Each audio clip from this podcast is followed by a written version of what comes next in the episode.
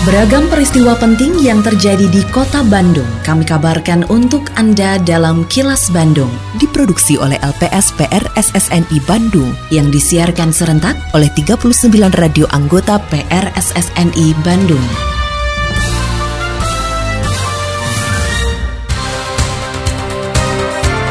Sejumlah informasi aktual kami hadirkan untuk Anda dan inilah informasi utamanya.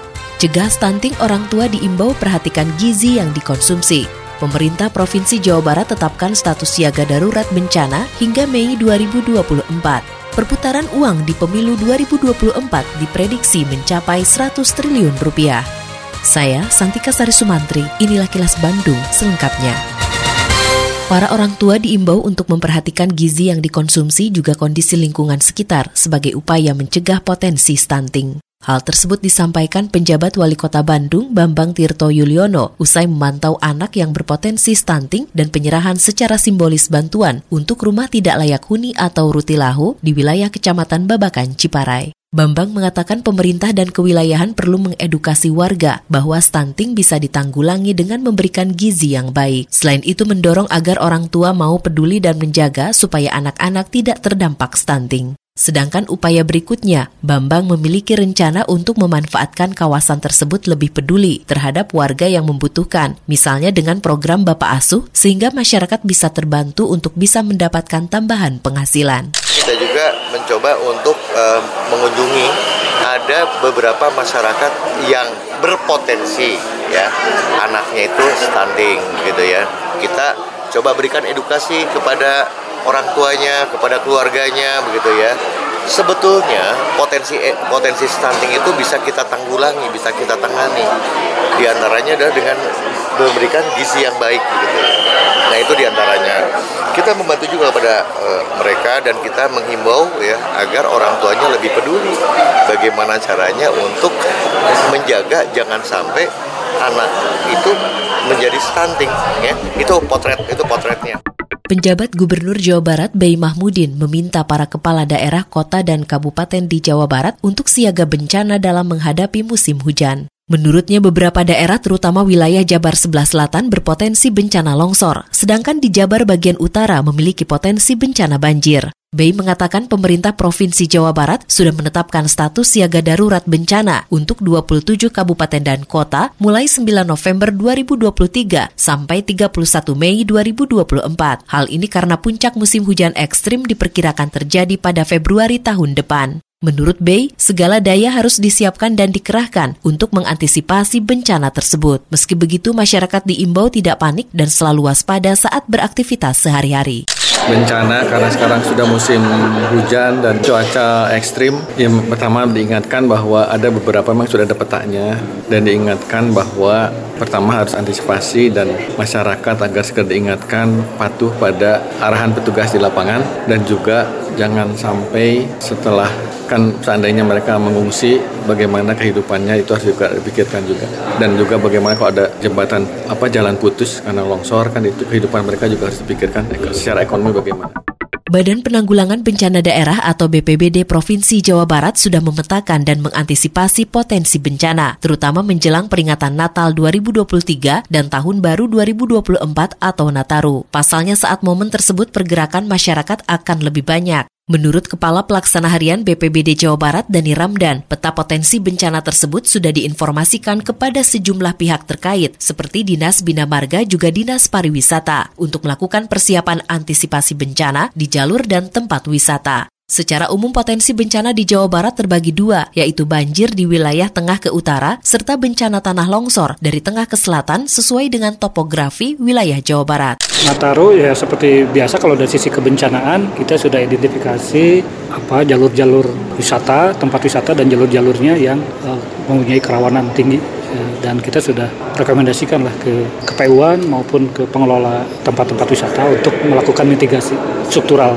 maupun non struktural dalam bentuk edukasi, pelatihan, penyiapan-penyiapan peralatan dan sebagainya. Kalau banjir itu tengah ke utara, Pantura. Kalau longsor tengah ke selatan.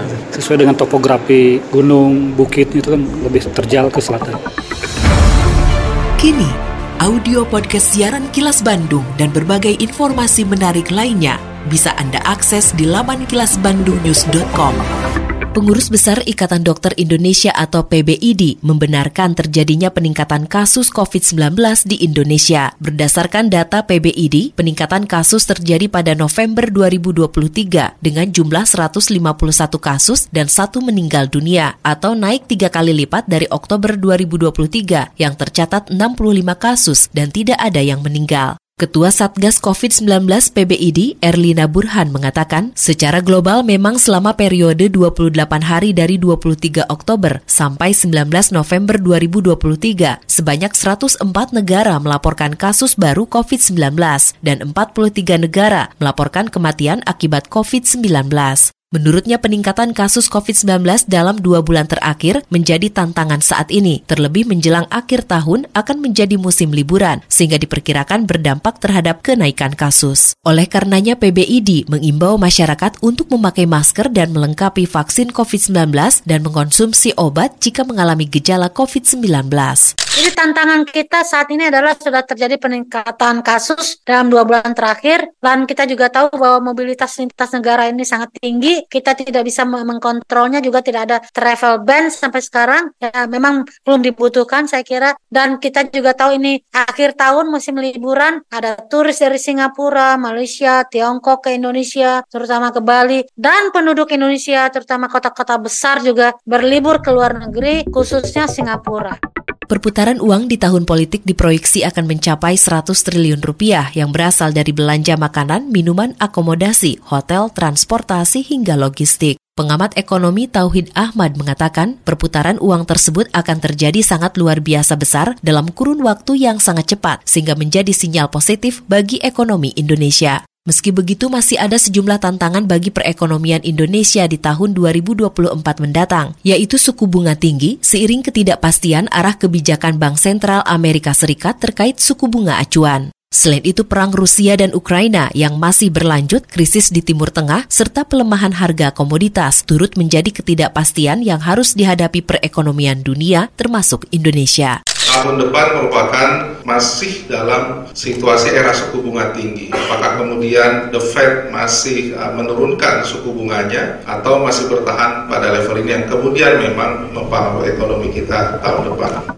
Pemerintah pusat meminta investor tetap melakukan investasi di tahun pemilihan umum atau pemilu 2024 mendatang karena sudah memitigasi resiko pelemahan ekonomi global. Asisten Deputi Moneter dan Sektor Eksternal Kementerian Koordinator Bidang Perekonomian Adrian Syah mengatakan investor bisa tetap berinvestasi pada sektor-sektor yang memberikan keuntungan dalam jangka pendek karena ditopang oleh perhelatan pemilu, seperti sektor makanan, minuman, tekstil, dan pakaian. Menurutnya di tengah tahun pemilu, pemerintah optimistis pertumbuhan ekonomi pada 2024 mencapai 5,2 persen, sekalipun pertumbuhan ekonomi global sedang melemah. Untuk menopang pertumbuhan ekonomi, pemerintah sudah menerapkan berbagai kebijakan seperti mengimplementasikan Undang-Undang Cipta Kerja dan mereformasi perizinan usaha berbasis resiko. Dari sisi kemudahan pun uh, kita tingkatkan, misalkan untuk uh, agunan, kita tidak mensyaratkan adanya tambahan tahunan untuk kur super uh, mikro,